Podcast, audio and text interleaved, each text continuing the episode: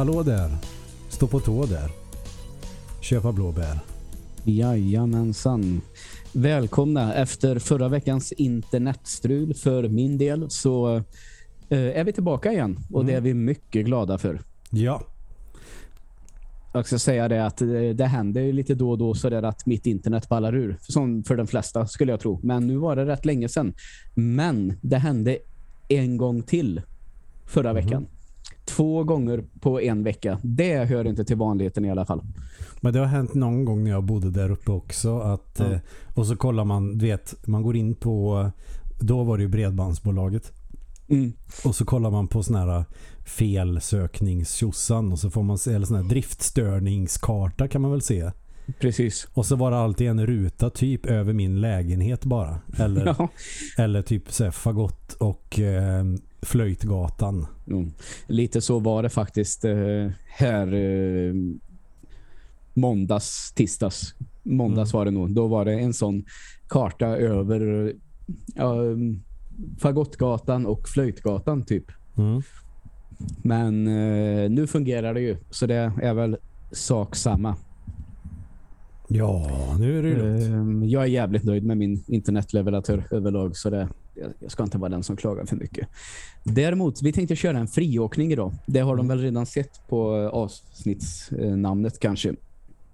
Ja, du behöver inte liksom ha namnet fördolt i dunkel. Nej, exakt. Som att du ska läsa upp ett brev på eh, typ eh, Oscarsgalan eller någonting. Vinnaren är. Mm, precis. Som att du avslöjar efter halva avsnittet och avsnittets namn är. Eller dagens ämne är. Mm. Det kan vara en av de roligaste stunderna i den här podden. Att när, när det gick upp för dig att just det, kan, man kan ju se på Ja, avsnittet vad det handlar om. precis. Ja, då kände jag mig lite dum. Men vi beter oss som om det vore live. Det är ju så. Mm. Så är det. Ja. ehm, vad ska vi börja prata om tycker du? Är det något speciellt som... eh, Eller ska jag bara hoppa på det vad jag har gjort typ precis innan vi satte oss ner och spelade in? Kör. Eh, det har kommit äntligen ett splitternytt Turtles-spel. Som en uppföljare till Turtles in Time. Nämligen Shredders Revenge. Och eh, jag satte mig ner här nu precis innan. Jag hade glömt att det var den 16 idag då det skulle komma till Game Pass. Så jag installerade det och tänkte jag kör första banan. Och slutade med att jag spelade 14 av 18 banor. Och jävlar. Det, det är bra de andra ord. Ja, eh, jag tror så här att om du är ett fan av Turtles in Time och Hyperstone och alla de där andra av den typen av spel, kanske även Final Fight och alla de här andra som finns, Mm. så kommer du att älska det här. För de lyckas verkligen att fånga rätt känsla. Ja, från Turtles in Time får jag ju personligen säga då, eftersom det är det som jag har spelat allra, allra mest. Eh, lite nya roliga idéer också. Några fiender som jag inte minns från det spelet. Bland annat eh, de här klassiska är med som skjuter pilar, som kommer med yxor som fastnar i backen. De som har svärd som kan blocka, men också några som skjuter sugproppar och eh, eh, använder en sån här, du vet, en lång kedja som det sitter en spikboll på. Mm. Så det är lite, lite andra eh, fiender har de tänkt till med också Kul. några nya varianter på de här robothundarna som jag brukar kalla dem. Eh, finns det Mauser också. vad är det de kallas? Exakt, så är det. finns bland annat stora sådana och lite andra robotar också. Så variationen på fienderna är mycket, mycket bra. Det är ju en stor sån som är en boss i eh, första Turtle-spelet. Ja, okej. Och på Nintendo 8 kan det fuska så att när han öppnar munnen då pausar du spelet och sen så eh, trycker du på paus igen. Då är svagpunkten blottad hela tiden så behöver du inte vänta på att Aha. han ska öppna munnen. Ah, okej. Så kör man Donatello och så är han klar på fem sekunder. Ja, härligt. Eh, jag valde Rafael. Tycker alltid att han är mest badass. Ja, han brukar alltid vara den som är bäst på de beat em up-spelen. Mm. Eh, nu har jag inte hunnit varken testa själv eller läsa på hur stor skillnad det är på dem i till exempel attackstyrka eller eh, om de tål extra mycket stryk någon av dem eller om någon är lite smartare och det finns någon allround-karaktär. till exempel. Det har jag inte hunnit testa. Men eh, om man säger eh, movesetet, det finns ju alla de här där man dunkar dem i marken. Man kastar in dem i skärmen och då finns det en trophy som heter Mode 7. Det tyckte jag var lite kul. um, och lite så här, men också den största skillnaden som jag tänker på i alla fall, det är att du har en sån här eh, från Street Fighter till exempel, att man laddar upp en supermätare. Mm. Ett sån har du i den här också. Som också kan um, uppgraderas i den mån att det sker automatiskt när du har dödat ett visst antal fiender och nått, eh, eller nått ett high score som är tillräckligt högt. Så då får du lite olika varianter på den här. Så det är ganska coolt att de har tänkt till lite så. Och eh, det är också skönt. Du blir inte av med liv när du använder den på den lättaste svårighetsgraden i alla fall. Så det, eh, jag spelar på lättaste första gången för att lära mig lite banor mm. och sånt först. Så får man prova sen. Eh, tror jag väl att eh, det går att köra både soft co-op och eh, online co-op upp till sex spelare. Det är ju rätt hysteriskt. Ja, det, alltså det kan jag väl känna hur de skulle, ifall de öser på med fler fiender. Det känns som det skulle bli väldigt, väldigt mycket på skärmen. Om Tänk man är vad slowdown det ska bli.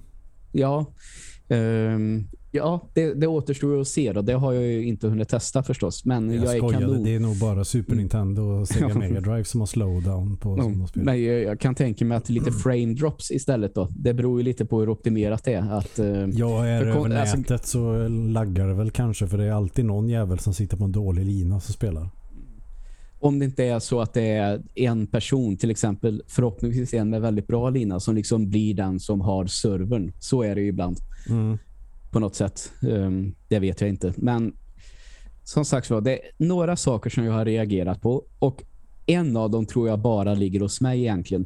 Uh, för jag tycker samma sak i Turtles in Time emellanåt att fiender som är i luften har jag väldigt svårt att bedöma var de är på skärmen. Mm. Och här har de satt ut en liten skugga till exempel. Men jag har ändå svårt att liksom det tar tid och jag hinner bli frustrerad.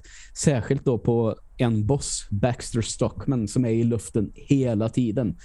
Så den var inte speciellt svår, men var jävligt frustrerande för att han var jävligt svår att träffa. Mm. Och jag lyckades inte under hela den fighten få in rätt känsla. Det kanske kommer med tiden också. Eller det finns ju några sådana här banor då man kör på en sån här hoverboard uppe i luften. Mm. Och då kommer en sån här pizza som ger dig fullt liv i en ballong och flyger över skärmen. Och då är det också jävligt svårt att bedöma var den befinner sig. Mm, så mm. det har varit lite, det har gjort mig lite frustrerad. Men som sagt var, det kan vara så att det ligger hos mig. Sen tycker jag också att det här spelet utspelar sig i stort sett hela tiden i New York. Och de lyckas väl att göra banorna varierade i den mån det går. Du kan vara på stranden, du kan vara på en bro och så vidare. Men mm. i Turtles in Time till exempel, där hade de ju möjligheten eftersom det är prehistoric time och det är vilda västern och så vidare. Det gav ju ganska tydliga teman. Banorna kanske inte sticker ut så mycket hittills i det här. Nej. Eh, men som sagt var, nu när jag pausar här så blev det någon, inte som i Turtles in Time, men en sån här portal skulle man kunna kalla det, som verkar erbjuda lite andra typer av banor. Så det ska bli coolt att se sen. De måste ju bjuda på lite dimension X, tänker jag. Ja, det är väl så den heter, ja. Precis. Uh, och sen är väl storyn så bra den bara kan bli, tycker jag. Det är något problem med Frihetsgudinnan igen. ja, ja, storyn ska ju mm. vara så enkel som möjligt. Mm. Och så verkar det som att eh, de här Foot Soldiers och Shredder sätter ihop Krang igen, roboten. Okej. Okay. För de samlar ihop eh, huvud, ben, mage och så vidare. Och ja, vad var det mer? Är det någonting mer jag tänkte på? Nej, jag tror inte det. Det har jag inte spelat igenom hela. Men eh, första intrycket är ju att det här kommer man ha jävligt roligt med under en lång tid. Och så småningom när man inte har någonting att spela om säkert så det två, tre år så kommer man hitta det där på hårddisken, starta upp det igen och ha lika kul igen. Det känns liksom att det kommer alltid gå att plocka fram det här spelet. Precis som det har varit med Turtles in Time. Bra, det var precis det jag tänkte fråga om det kommer att vara samma... Sen Turtles in Time är ju legendariskt. Ja, men alltså jag tror att det är svårt att avgöra det här är väl naturligtvis inte lika bra i den på grund av att det inte är det första typ. Turtles in Time pikar de ju väldigt tydligt med. Det är väl en full poängare i stort sett. Mm. Um, det kanske inte det här kommer att vara, men jag tror till exempel att om ett par år, om jag frågar dig, fan, ska, vi, ska vi dra igenom Shredders Revenge? Och du säger ja, då kommer vi ha kul i ja en och en halv timme eller vad det nu kan ta. Jag tycker banorna tar ungefär någonstans mellan 5-6 minuter att spela igenom. Och är det 18 stycken då så tar det ju ja, lite mer än en timme blir det ju. Eller nästan två blir det ju faktiskt. För det kan ju vara det som är lite problemet med den typen av spel. Sådana beat'em ups eller vad, vad man ska säga. Att det blir väldigt lätt enformigt och man hinner tröttna en bit in i spelet. Mm. Nu är det ju så att nu fanns det ju en sparfunktion den här gången så då kan man väl säga att vi delar upp det på två sittningar då i så fall så man mm. går ut och tar en promenad eller käkar något och så kan man hoppa på det igen i så fall. För Turtles in Time är ju verkligen så att det är ju roligt hela vägen. Mm. Men medan kanske Final Fight är satan, förlåt. det, det är tack, tack vare att det är ganska kort som det ändå håller men då får du slåss mot typ åtta fiender samtidigt. Alltså, mm. Och då är det ju inte rättvist. Nej, och liksom eh, här, i det här är det ju så mycket fiender på skärmen ibland så att man knappt ser vad man gör. Men det känns ändå det känns ändå fair för de är inte så stryktåliga. Och då tycker jag ändå att det känns som får man då in ett par träffar så blir man av med lite fiender rätt snabbt. Det tycker mm. jag ändå är rätt viktigt i sammanhanget. så. Och så kan man ju spara sina special moves då till det tillfället. Då kan man ju typ rensa skärmen om man har mm. tur. Men ja, det var faktiskt en sak till som jag tycker Turtles in Time gör så bra. Och då kanske man var mer insatt i, i uh, Turtles också. Men jag tycker liksom att det känns varje boss ganska unik. Den har mm. ett ganska coolt mönster, hur den anfaller och så vidare. Och de sticker ut en del från varandra.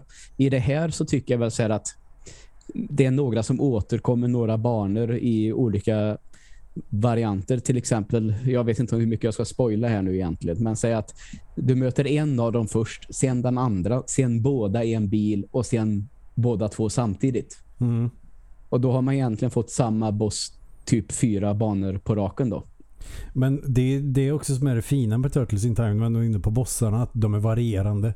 Plus mm. att det finns ju vissa typer av strategier som du använder mot dem. Att de har ett mönster som en boss ska ha. Till exempel mm. Eh, är det Leatherhead, han heter den här krokodilen. Ja, precis. Att du, du slår tre, fyra gånger, sen vet du att han kommer att springa på alla fyra över skärmen.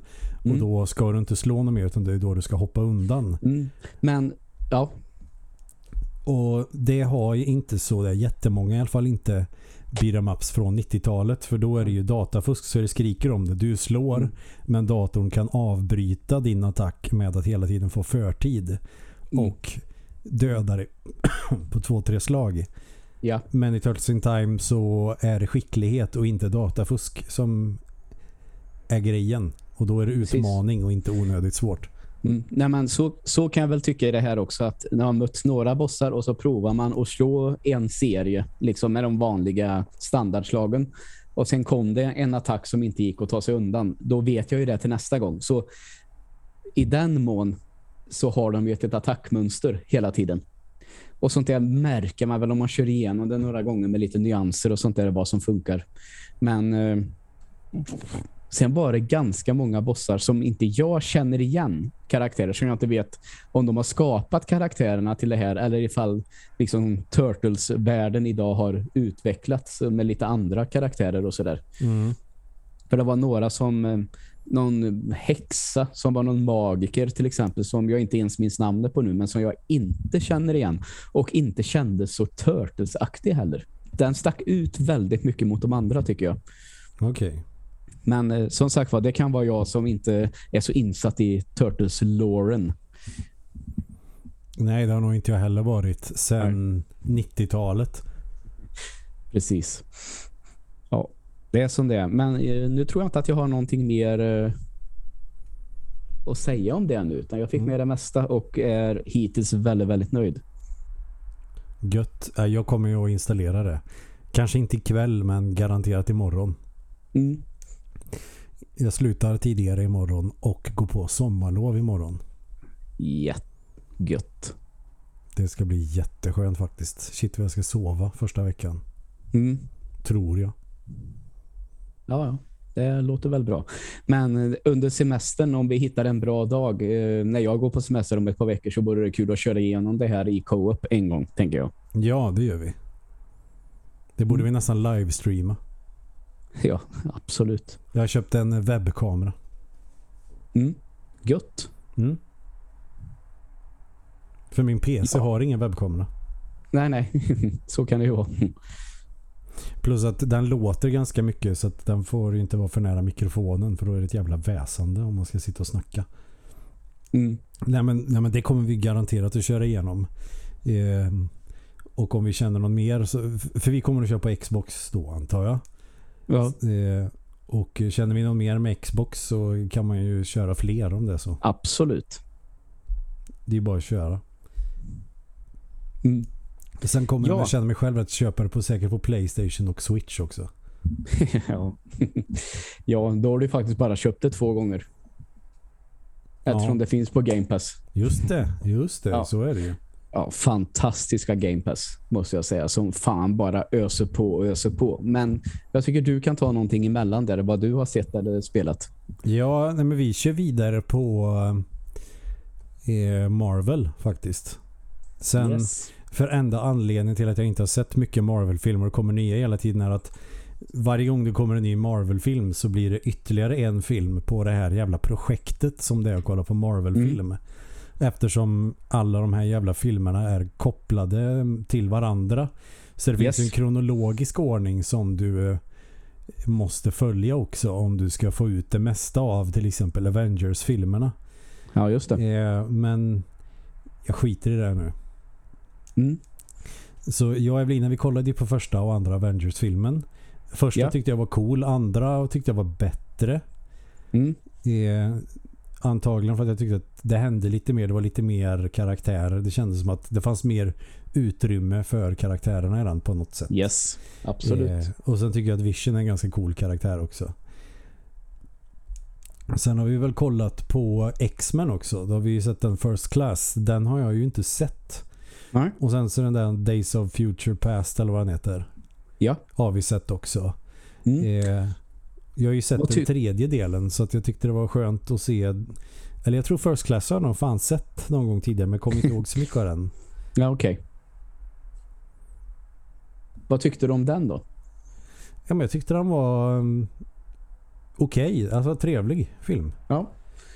Eh, den vet jag ju att eh, när jag såg den på bio just där och då så tyckte jag ju det var en jävligt bra bioupplevelse. Den X-Men 3 eller X-Men The Last Stand hade ju, kändes ju sämre än de som kom innan. Var ganska rörig om man säger så tycker jag. Ehm, de fepplar bort mycket bra content. Men eh, i First Class så tyckte jag att de för första gången fångade lite X-Men från serietidningarna. Det var lite mera färg. Det var inte så jävla mörkt och tråkigt utan det kändes väldigt 90-tal tycker jag. Och det uppskattade jag väldigt mycket på den. Även om den nu inte utspelar sig under 90-tal så liksom Nej. det var något som kändes väldigt 90-tal över den ändå tycker jag. Om jag tänker på den här animerade serien som finns. Som Mm. kom på 90-talet. Så det är nog därför jag säger så. Mm. Nej, men jag, jag tyckte den Days of Future Past var rätt vass också. Ja, eh, det tror jag väl är den bästa. Den känns... Den löser en svår premiss på ett väldigt coolt sätt tycker jag. Ja. Sen tycker jag att det är kul att de visar en framtid som vi inte har sett i någon av de andra X-Men-filmerna med Patrick Stewart och de här, men han är med. Mm. Ja, exakt. Det, och då känns det som att det, det är inte bara det här det finns den här X-Men-serien som typ skulle kunna vara det här universumet. Och Mm. sen så finns det den här rebooten som skulle kunna vara ett annat universum. Att Ja. nej, det här är det som hände tidigare. Och eh, och den framtiden man får se i den Days of the Future Past den är inte med i de andra X-Men-filmerna eftersom den aldrig blev av. Ja, exakt. Men i en tidslinje så har den blivit av. Mm. Och jag gillade det som fan. Ja. Jag håller med dig. Jag tyckte den var väldigt effektiv den filmen. Och sen eh, de två efterföljande ska vi väl inte prata om. Jag vet inte vad som gick fel där helt enkelt. Jag tror jag har sett den tredje eh, men det var så länge sedan. Jag tror att det var när jag satt på ett flygplan när jag såg den också. Och då var ju Ja, allting okej. roligare än liksom eh, so sovande personer som ser trötta ut av kostym. Ja, jag förstår. Och sen kom ju den som heter Dark Phoenix också tror jag. Som blev en sån flopp. Men det känns ju som att den storylinen som är The, The Dark Phoenix, det är väl så super, super känd från serietidningarna men har aldrig funkat på film. Och man vet inte vad det är som blir fel. Helt enkelt. Det är bara någonting som det är som att de spänner sig när de ska göra den storyn på något sätt. Och glömmer bort det som är viktigast. Alltså, det är den här karaktären som heter Jane. Mm. Hon har ju någon sån här ond karaktär i sig som är The Dark Phoenix. Och det är ingen som lyckas fånga liksom den, kan man säga, de två personerna och hur de på sätt och vis är sina raka motsatser men också liksom går in i varandra lite. Mm. Just den där relationen mellan som de två karaktärerna har som är samma person, den har de aldrig fått till tycker jag. Okej. Utan det är bara att en är jättegod och den andra är jätteond som det är en.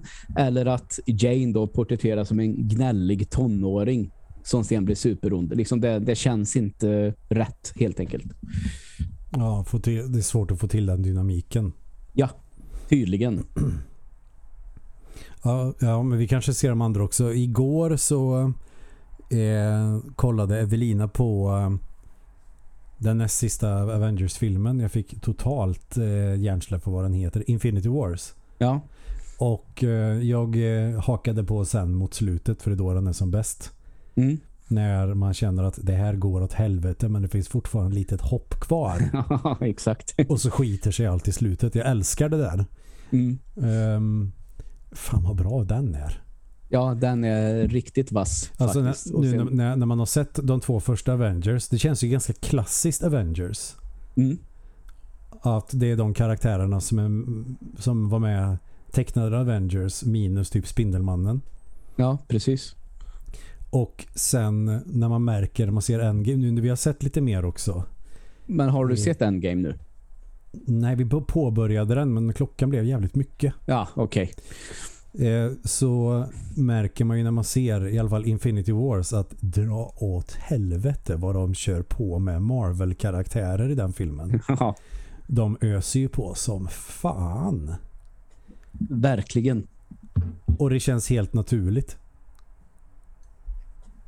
Ja, ja, visst. Det, det är alltså, lite, då, då, Du vet den här känslan, du har en bästa polare på universitetet och sen så har du en bästa polare från gymnasiet hemma typ. ja, Och de två träffar varandra och kommer bra överens. Och så känns det som att det är två världar som möts på ett väldigt konstigt Mm. sätt men det är också trevligt. ja, visst. Så känns det att kolla på Infinity Wars. Mm. Det var en bra beskrivning tycker jag. Eh, Det kände jag inte när jag såg den på bio för jag har inte sett så mycket. Men nu har jag ju sett lite mer och eh, tänkte att ah, fan det här är ju så jävla coolt. Ja, visst är det. Men vi har sett en bit in på Endgame men sen blev klockan mycket. Vi får gå och lägga oss. Och jag kände Mm. lite grann att nej, vi är uppe hela natten. Kom igen. Ja. Fast Ja, det men alltså, inte. jag tycker att eh, Endgame kanske inte riktigt når upp till Infin- Infinity War-klass men jag tycker att det är sjukt imponerande att de får den filmen att funka. Så kan jag säga. Mm. För det jag tycker att båda två är väl i toppskiktet ändå av Marvel-filmer som har kommit. Så kan jag säga. Du får ursäkta, jag måste bara... Du får prata på lite så ska jag bara fixa en liten grej. Det tar inte så lång tid. Okej. ehm, vad har jag gjort mer? Ja, du hör vad jag säger medan du fixar. Nej, eh, jag kanske pratade om det här förra gången. Jag vet inte. Men eh, Playstation-kärnan, eller vad man ska säga, till FPGA Mister är ju... Eh, den är ju ute nu. Den är inte betastadiet längre. Okej, nu är jag med igen. Ska bara säga det är 6000 grader varmt i Ja, mitt ja. sovrum. Så jag var tvungen att ta av mig jeansen för jag höll på att dö. Ja, nej det är lugnt. Eh, och det, för, för att jag har ju laddat hem såna här nightly builds under beta-testningen. Mm. Eller under beta-perioden eller vad fan det heter. Beta-testare är väl alla då som får den. Men, eh, och det har ju funkat väldigt bra redan under betan och jag tror det var typ förra, slutet på förra året eller någonting. Så ja men nu har jag börjat komma igång och få igång så att man kan köra ett spel på den här kärnan. Men det är inte helt klart än. Jag har inte kodat färdigt hela Playstation 1s arkitektur. Mm. Så det är inget ljud än så länge minneskortsfunktionen funkar inte helt hundra än. Och spel som har typ Redbook eller vad fan det nu kan vara eh, funkar inte riktigt än men snart är det på gång. Så bara smack, smack, smack och så funkade typ nästan alla spel. Och Jaha. nu är det liksom 90% kompatibilitet. Ja, ja, okej. Eh, så det kändes riktigt bra och eh, nu när den är färdig så finns det ju en stabil release så att jag var ju tvungen att testa och eh, har ju liksom ett, en drös Playstation 1-spel och det är ändå ganska skönt att kunna spela dem utan att egentligen behöva använda skivorna. Ja, visst. Absolut. Det förstår jag. Eftersom läsare blir kassa och det blir lång laddningstid och så vidare. Då är det ganska skönt att eh, även om det inte är 100% lagligt men skitsamma, kopiera in dem på datorn och sen Ja. lägga de här skiv bin och Q-filerna på ett minneskort eller på en USB-sticka och köra dem i min Mister. Mm. Och så är det verkligen inget krångel. Det är ganska skönt att göra det. Så att jag eh, startade Xenogears. Du Ah, vet ja, att jag okej. pratade ju om det för inte så länge sedan i podden. Eller att jag brukar nämna det då och då. Men inser att det är eh, nästan 20 år sedan jag spelade det. Ja, det är fan häftigt. Och eh, jag la egentligen in det bara för att testa det. För att man kunde eh, fixa så att man fick originalkontrollerna från den japanska versionen. Och varför det är en grej är för att eh, om man har spelat JRPG så vet man att på en Playstation-kontroll så är det cirkel som är ja och så är det kryss som är nej. Ja, okej. Det är så bara. Det är, till, Ja, det, är till, det är till och med det som de symbolerna står för. Ja, precis. Men i den amerikanska Xenogears så är det X som är ja och eller kryss som är ja och cirkel som är nej. Ja, det är märkligt. Och jag har jättesvårt att anpassa mig efter det. Mm. Så det var ganska skönt att man kunde patcha så att det fick de japanska kontrollerna och att man kunde få de japanska originalskådespelarna för det är väldigt mycket tecknad film i det här spelet. Ja, ja, okej. Och sen tror jag nog aldrig att jag har retat mig på den amerikanska röstskådespelet i det- i det spelet. Nej, nej. Jag, jag tycker om originalspråk i, eh, Ja, såklart. i saker. Eh, Jag Ja, det blir ju aldrig riktigt samma nyanser när man översätter. Eh, oavsett hur väl det har gjorts så blir det väl inte riktigt samma sak. Nej, jag tror till och med att jag råkade se lite grann av den eh, tyska serien Dark på engelska. Mm. Och kände att nej, nej, nej, nej, nej, nej, nej. Det, det här går inte. Så för jag trodde det var någonting som hade blivit galet med Netflix att de bara hade en dubbad version. Men det gick av originalspråk tyska. Så Ja. tur var. Gött. För det blir bättre med originalspråk helt enkelt. Eh, Jag kanske är en mes men jag tycker inte att det funkar att dubba allting. Det är bara Disney som jag tycker funkar. Mm. Så jag skulle bara testa spelet och tokfastna. Ah, ja, okej. Kunde inte sluta. Nej, jag fattar. Så det håller måttet än idag. Och när vi ändå liksom har fått en remaster på Final Fantasy 8 som var sådär. Tyvärr. Ja. Och sen har jag ju kört eh, en bra bit på Chrono Cross remastern. Mm. Också sådär. Aha, okej. Eh, Jag är övertygad om att det är en emulator. Aha, okej. Då Att, fattar jag. att det är Playstation-spelet men att precis som du kan med en bra emulator få högre upplösning. Typ så känns Mhm. Aha, okej. Det Och var sen- ju... Lät inget kul faktiskt. Nej, och sen har de fixat kanske nya karaktärsporträtt och det kanske är vissa polygoner på karaktärerna som de har gjort lite klarare. För att man kan göra det med en bättre maskin än en PS1. Men Mm. själva grunden tror jag nog fan är Playstation-spelet. Ah, okej. Då förstår jag. Vilket innebär att du får samma framerate som en Playstation 1 har. Ja, precis. Då förstår jag. Och då blir det en sån remaster. Eh, Jag vet, jag har nog talat uh, finare om det tidigare men då var jag nog mest hypad över att jag fick spela Chrono Cross. Mhm. Men nu när jag är lite mer nykter så att säga i det, tänk, i det avseendet Ja.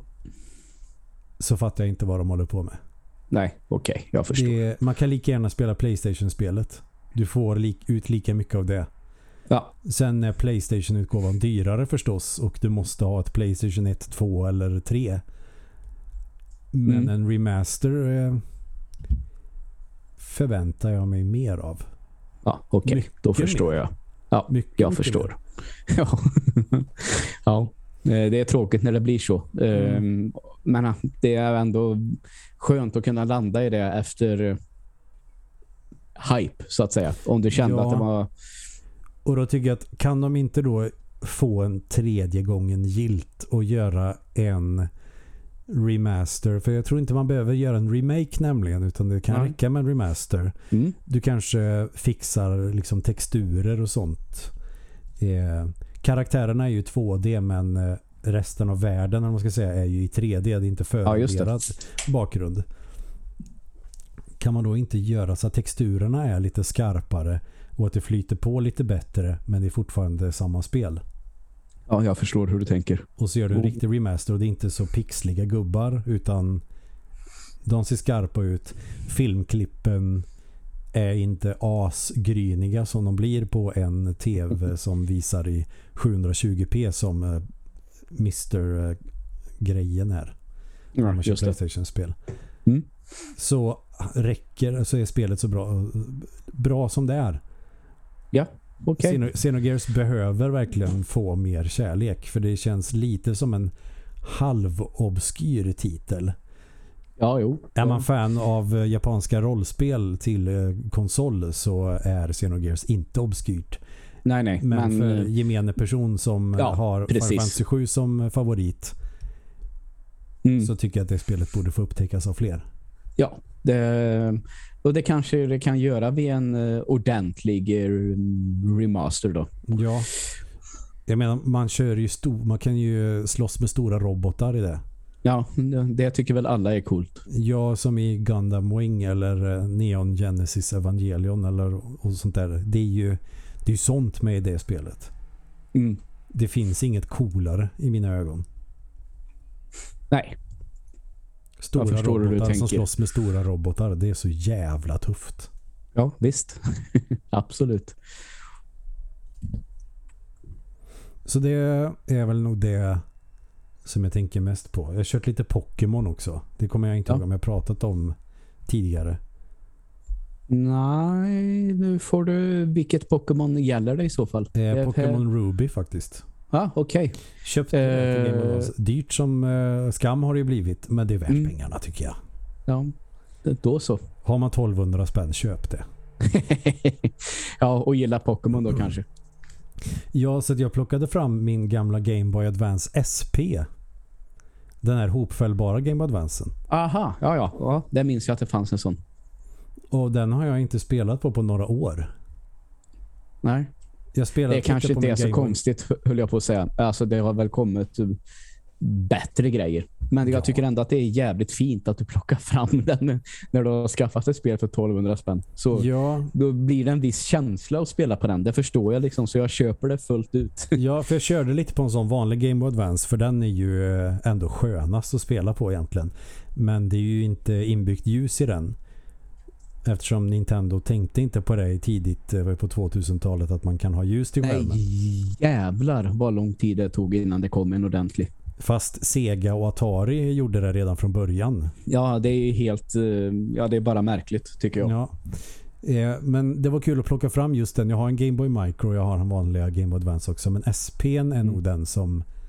Det är samma SP jag fick när, jag fyllde, fyllde, när jag fyllde 18. Det är ju samma apparat. Ja, ja. Så det okej. är ju rätt skönt att plocka fram den. Så då har spelat Pokémon Ruby. Eh, det är precis som alla andra Pokémon-spel. Mm. Så det är inget superspeciellt med det. Ska Nej, okej. inte vara det heller. Och Final Fantasy Tactics Advance har jag kört också. Mm. Okej. Och det är ett grymt bra spel. Mhm. Men jag får en känsla av, jag har inte tittat så mycket på nätet eller läst så mycket på olika forum folk tycker om det. Eftersom Final Fantasy Tactics till Playstation är ju en sån är mångas favoritspel i den genren. Ja, just det. Jag tycker att det är bra men jag tycker mer om Vandal Hearts och Shining Force-spelen till exempel. Ja, jag förstår. Men Final Fantasy Tactics Advance tycker jag är helt sagolikt jävla bra. Gött. Det, de har jag faktiskt aldrig, aldrig testat. De som någon, någon ens i den här, om man säger tactics-genren överlag. Mm. Jag har inte testat ett enda sånt spel. Inte bara Final Fantasy utan Fire Emblem eller alla de här olika som finns. Jag har aldrig provat. Eh, alltså jag vet ju inte hur stort ditt intresse är för sådana spel. Eh, vad tror du orsaken är till att jag aldrig har testat något? Alltså jag har liksom- noll intresse av sådana spel faktiskt. Jag tror det är för att du är sportkille. ja, Du vill nog ha kanske- spel som det är eh, lite mer fart i och som man kan tävla i. Så är det säkert, absolut. Eh, sen vet jag ju, nu vet jag inte om man kan kalla det här samma sak, men de blev ju jävligt populära de här eh, XCOM-spelen. Mm. Eh, det är väl lite, alltså jag tänker hur, att man nästan har som ett bräde att utnyttja på, på en bana. Är det Mm. lite så? Eh, de här vet jag, jag har pratat med Max och så fanns det här på eh, gratis som sånt här Playstation-spel. Och han pratade om att du måste köra det. Men så jag tycker det är svårt. Ja, det var inte alls så svårt som alla säger. Och så tänker jag inte på att han är jävligt bra på inte bara bra på spel utan jävligt bra på att förstå mekaniken i spel. Mm. Och jag klarar knappt tutorialen innan jag tycker att fan vad det här tar tid. Men sådana spel Och liksom det ska som, vara eh, taktiskt. Ja, du skulle sett dig lite längre bakom den busken och hukat. Då hade du klarat den banan. Jag bara, ja, aldrig i livet. Så Fast den jag. typen av spel känns som att de är lite mer eh, avancerade taktiskt. Alltså Ja, okej. om du kollar Fire Emblem och Shining, Shining Force, eh, Final Fantasy Tactics, Vandal Hearts och sånt där. Alltså du har eh, en plan du går på. Du har några som kanske är fighters, några som flyger, några som är pilbåge, några som är magiker. Mm. Ja. Och det är inte så Okej. mycket mer avancerat än ett eh, Final Fantasy till Super Nintendo. Nej, nej. Okej. Jag förstår. Du köper ny armor när du kommer till en stad eller sådär. Och Mm. när du är på så att säga spelbrädet så väljer du attack eller magi. Ja, ungefär. okej. Det är inte så mycket konstigare än så. Nej, nej. Då, ja, ja. Ja, kommer något av dem på Game Pass så kanske jag får slå till på det. Mm. Du, på tal om en annan grej. Vet inte om du har noterat, om- eller var du klar förresten? Förlåt. Ja, det var jag. Ja, okej. För jag såg att eh, Persona-spelen, jag tror trean, fyran, femman kommer till Game Pass inom kort. Åh fan. Mm, det, alltså, det är mer att när man har, vad jag har hört om dem, att de verkar jävligt fascinerande att spela. Mm. Men om du känner mig, eh, sportkille som vill tävla i spel, Mm. tror du Persona-spelen är någonting för mig? Och vilket bör jag i så fall börja med av dem? Alltså, eh, jag hoppas att du tog det som en komplimang för det var så det var menat. Ja, men det är ju sant. Liksom, så det är svårt att eh, reagera ens överhuvudtaget på den kommentaren. Ja, nej men eh, jag vet ju att de flesta som, alltså gillar man japanska rollspel som Final Fantasy och sånt så kommer man gilla Persona. Det, det är jag övertygad om. Mm. Eh, men om man ser på som mig till exempel som tycker att de spelen är typ bland det bästa som någonsin har gjorts i japansk rollspelsväg.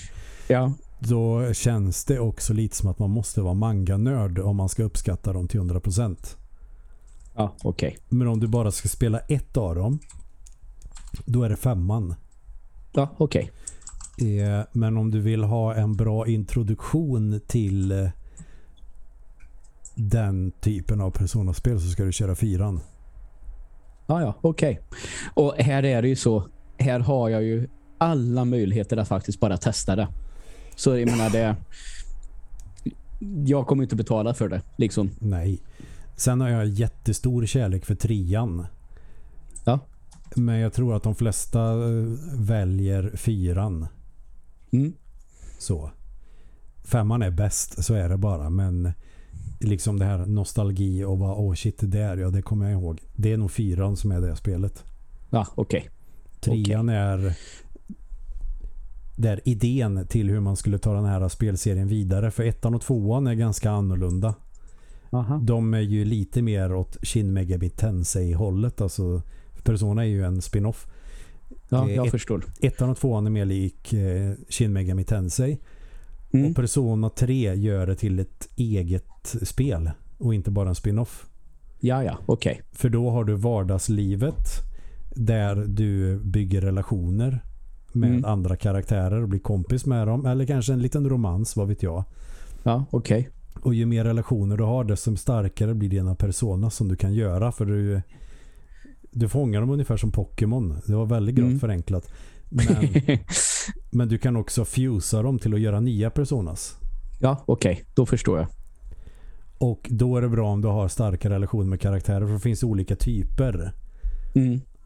Och en karaktär som du blir kompis med motsvarar en typ av persona du kan göra. En viss eh, sort. Ungefär som i en tarotkortlek. Ah, okej. Och då, blir, då Ja. får de extra experience om du har hög relation med någon karaktär. Ja, ja. Som du kan träffa någon gång efter skolan. Eller vad. Samtidigt så ska du öva på dina förmågor att vara tuff, alltså våga mycket. Att vara charmig eller dina akademiska eh, meriter och sådär. Att du levlar dem också Ja, okej. i ett vardagsliv och sen på kvällarna så är det dungeon crawling. Då förstår jag. Det låter ju faktiskt lite, lite spännande. Det är jävligt spännande. Ja. Och om jag skulle höra någon berätta för mig att ja, men man gör allt det här eh, så skulle jag nog känna oj, det låter avancerat. Men det är inte så, det behöver inte vara så avancerat. Nej, okej. Och det är ganska skönt. Ja, visst är det det. Visst är det det. Det är jävla god stämning i dem i alla fall. Eh, men om du bara ska spela ett, kör då femman. Men om du är intresserad av att köra fler, eh, Kör de i omvänd ordning då? 5, 4, 3 kanske. Ja, men sen är ju femman är ju så jävla mycket mer än de andra. Och då tänker jag just på dungeon crawling-delen. Trean är ju verkligen eh, springa i pyramider och hitta en trappa upp. Som i Ja, ja. Diablo nästan. Ja, ja, okej. Fyran är lite så också, men då är du inte bara på samma ställe och upp, upp, upp, upp. Utan då är det nytt ställe hela tiden. Mm, okej. Och i femman så är det inte så mycket dungeon crawling. Då är det mer som en, eh, en, en hel värld nästan. Mm, okej. Då förstår så jag. Femman är mer intressant på det sättet. Och du kan, göra, du kan ju smyga på dem och massa grejer. Femman är... Mm. eh, Ja, det känns som att det finns hur mycket som helst. Jag vill spela det nu när jag pratar om det. ja, jag förstår det. Jag körde aldrig fär, färdigt Persona 5 Ro, eh, Royal för att eh, jag var nog inte redo för att köra igenom det spelet igen. Jag hade det Nej, ganska okej. färskt men. Så kan man ju känna ibland, absolut. De är ju rätt långa också. Ja, det förstår jag.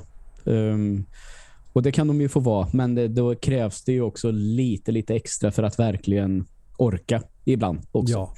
Sen är ju storyn i dem är ju eh, ganska klassisk anime-story. Men det är ju karaktärerna som är det trevliga. Och varenda karaktär som du kan ha en relation till. Och det Mm. är säkert eh, tio stycken minst. Ja, okej. Eh, och sen är det de som du har i ditt party också.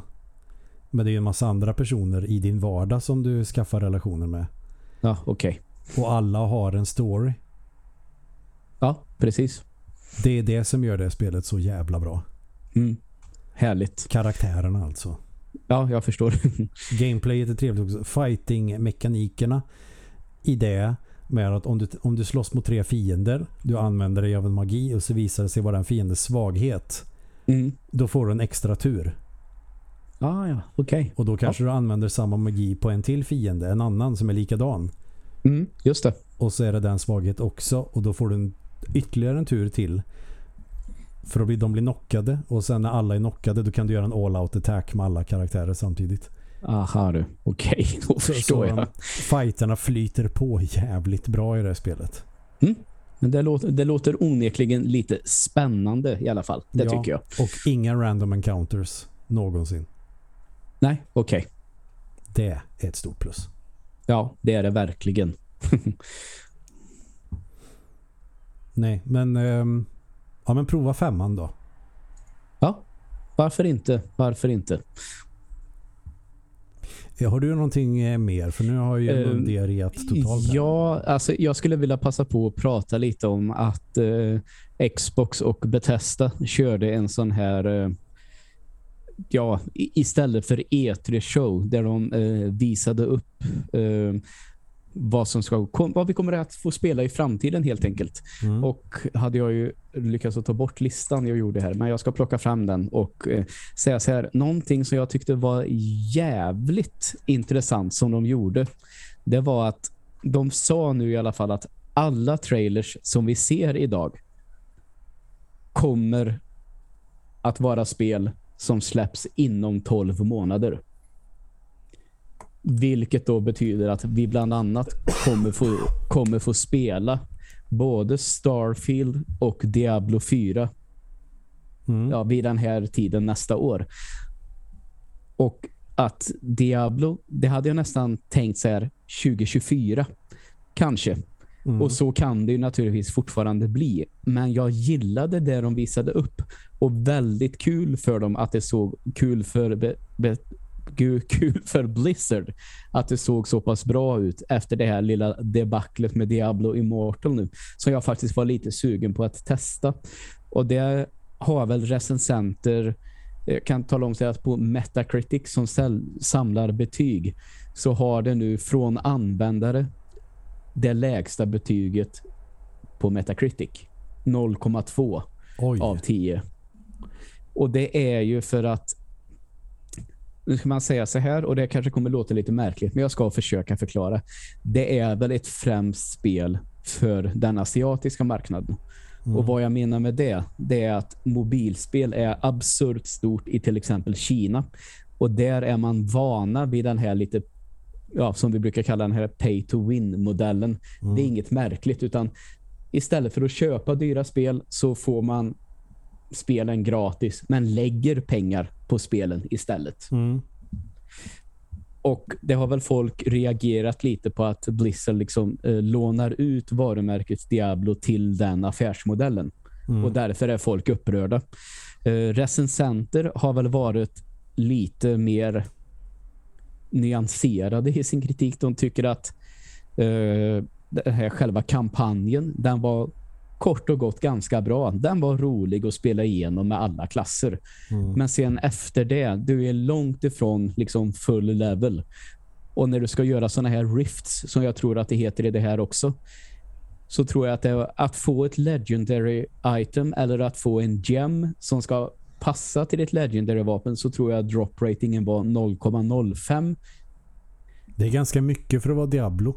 Mm, men då kan du också då köpa någon form av lootlåda där chansen att få en sån är mycket, mycket större men ändå försvinnande liten. Så att det är gjort för att man ska äh, jag tar en låda. Nej, fan, jag fick den inte. Ja, men jag har råd med tre till. Mm. Men fan, bara en till då.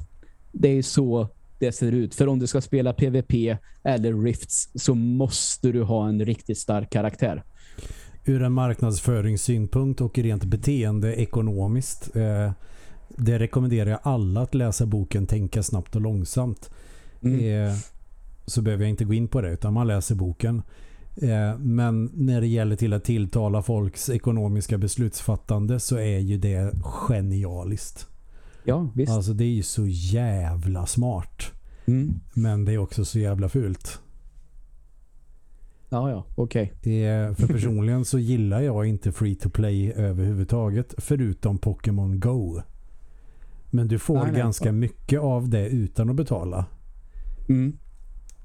Ja, det, alltså jag har inte lagt en krona i det. Jo, jag tror att jag när jag var väl ett år sedan när jag blev liksom här Uh, att jag kände att jag måste ut och gå lite nu och bara liksom tvinga ut mig själv när jag hade varit hemma och jobbat mycket hemifrån. Tror jag körde lite Pokémon Go igen och då tror jag att jag blev galen på, och nu kommer jag inte ihåg exakt, men att något utrymme tog slut. Så jag tror, jag tror att jag betalade 20 spänn för att få mer utrymme på något vis. Men Oj, någonting. vad mycket pengar jag har lagt på det. Ja. Item storage och Pokémon storage. Gud. Mm.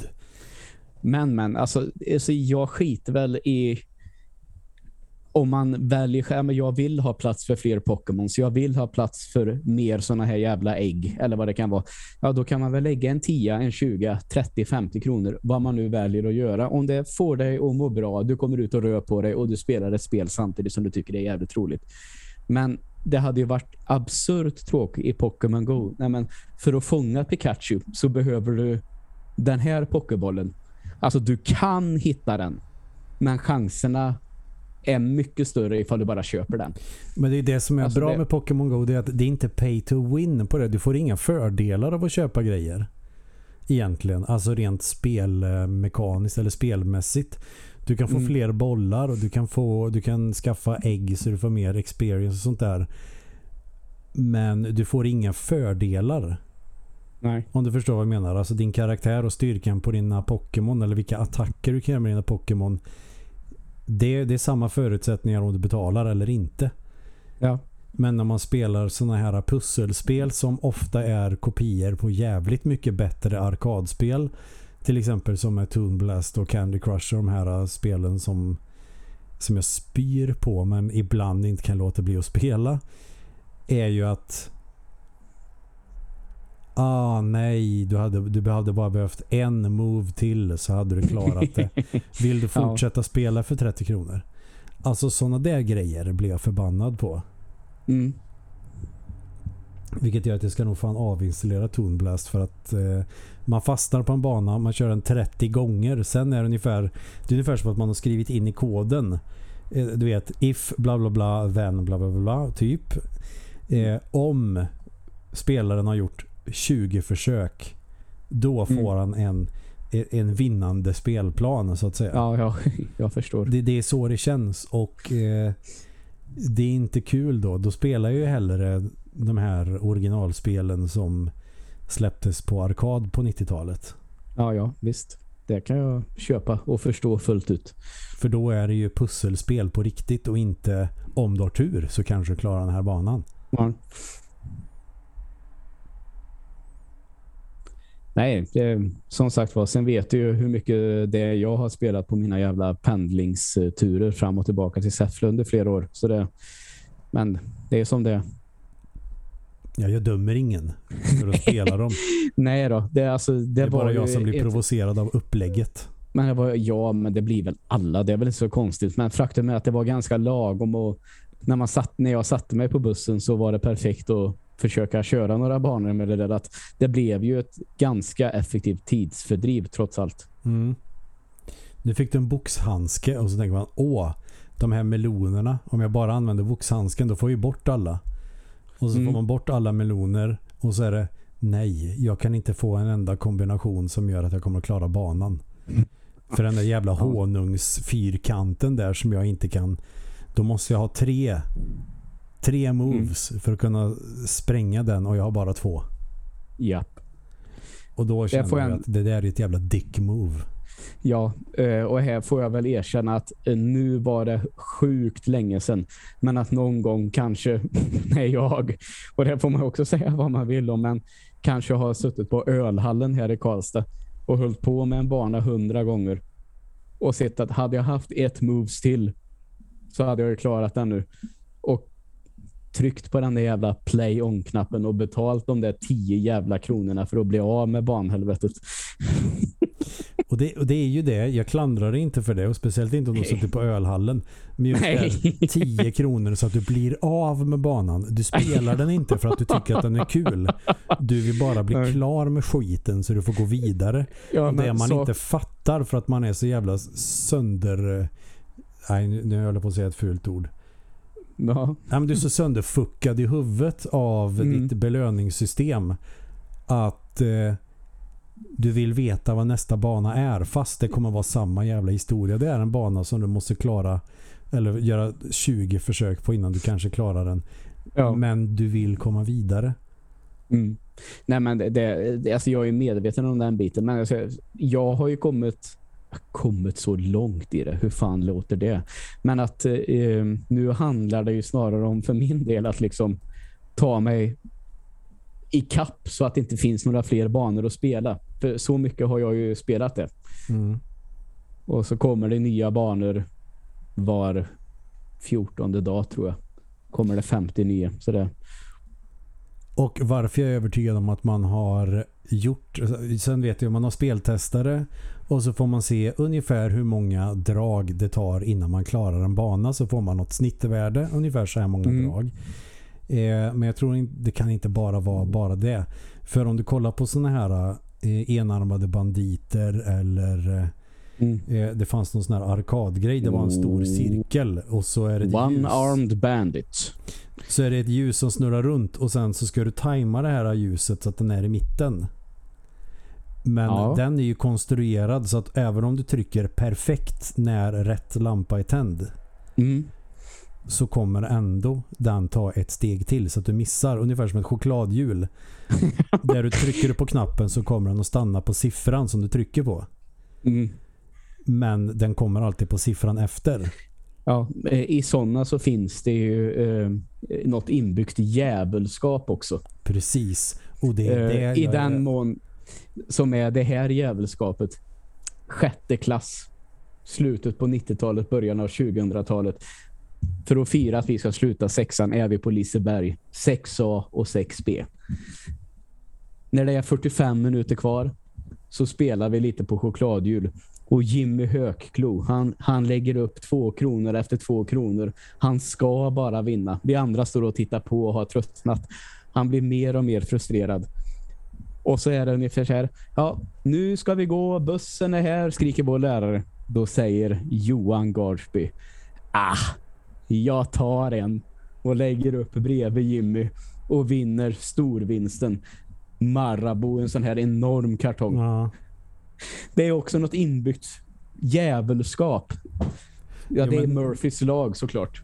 Nej men eh, det är inte bara Murphys lag, det är inbyggt djävulskap. För som den där som jag beskrev, eh, det var det, det, det, det, var en Youtube-kanal där de gör såna här grejer för att visa att de konstruerade för att eh, eh, exploatera Mm. folks sug på att vinna.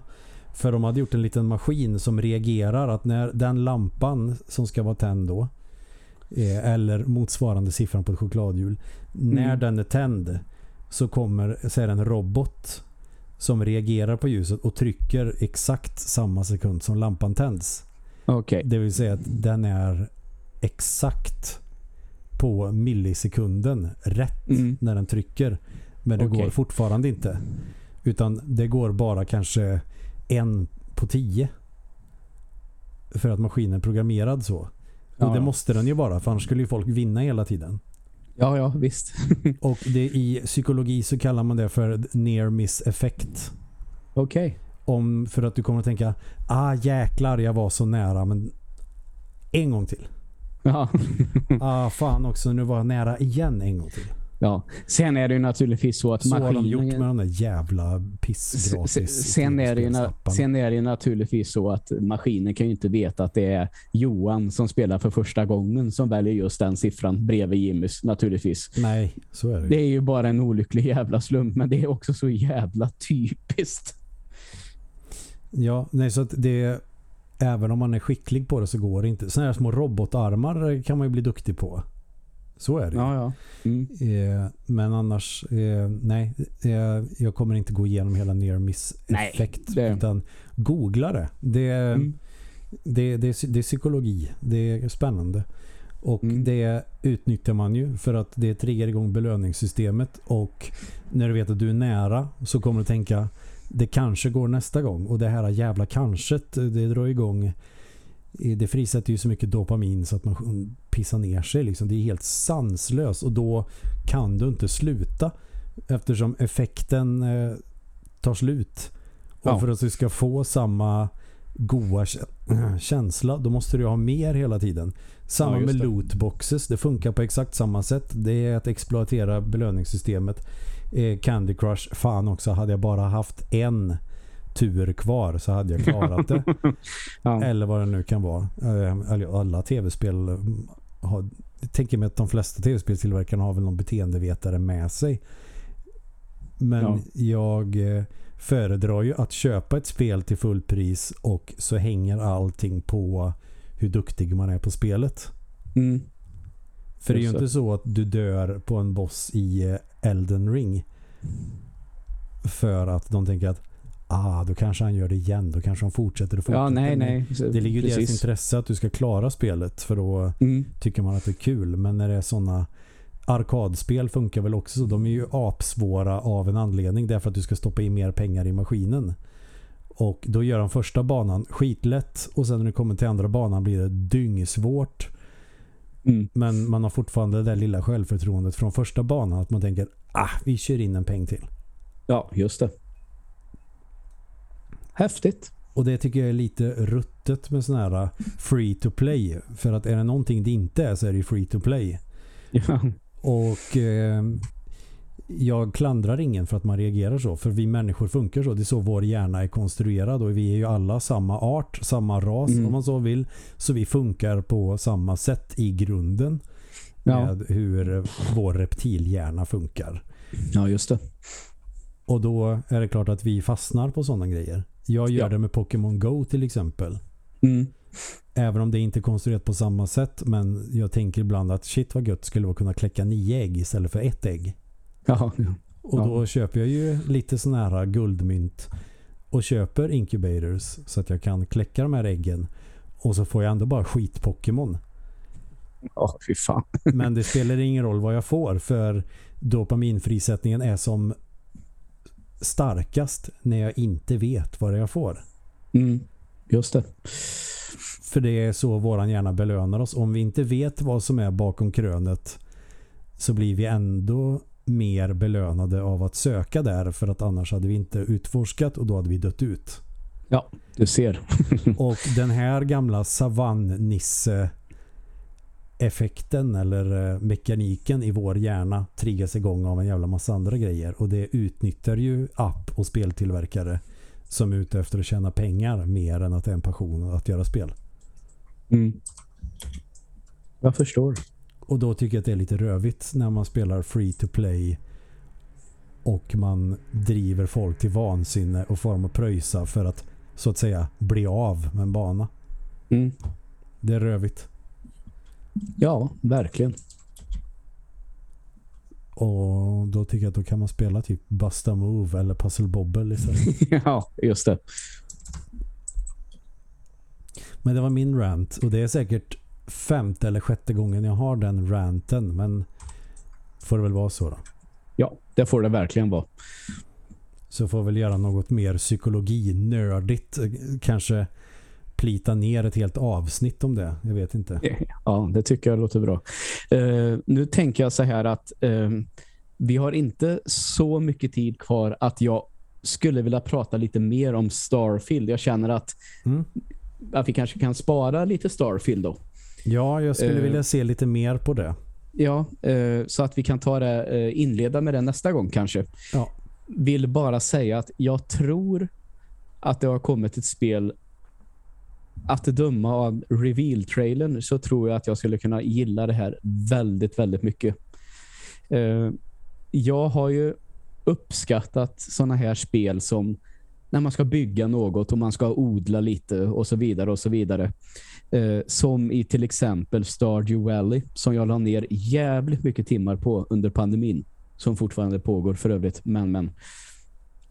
Det som jag gillar med det, det är att jag kan välja själv om jag ska ner i en grotta och hålla på. Egentligen så behövs det inte. Jag kan liksom bara ägna mig åt farming och sånt där. Farming är alltså som i odla, inte som att farma. Eh, sen har jag varit så jävla sugen på att det ska komma ett sånt spel i 3D med toksnygg grafik. Men ofta så är det så här, du måste ut och döda bossar. Du måste, du måste, du måste.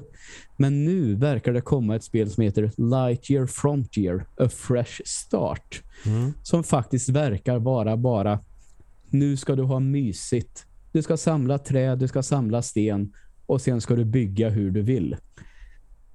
Det blev jag väldigt, väldigt sugen på under den här eh, showen.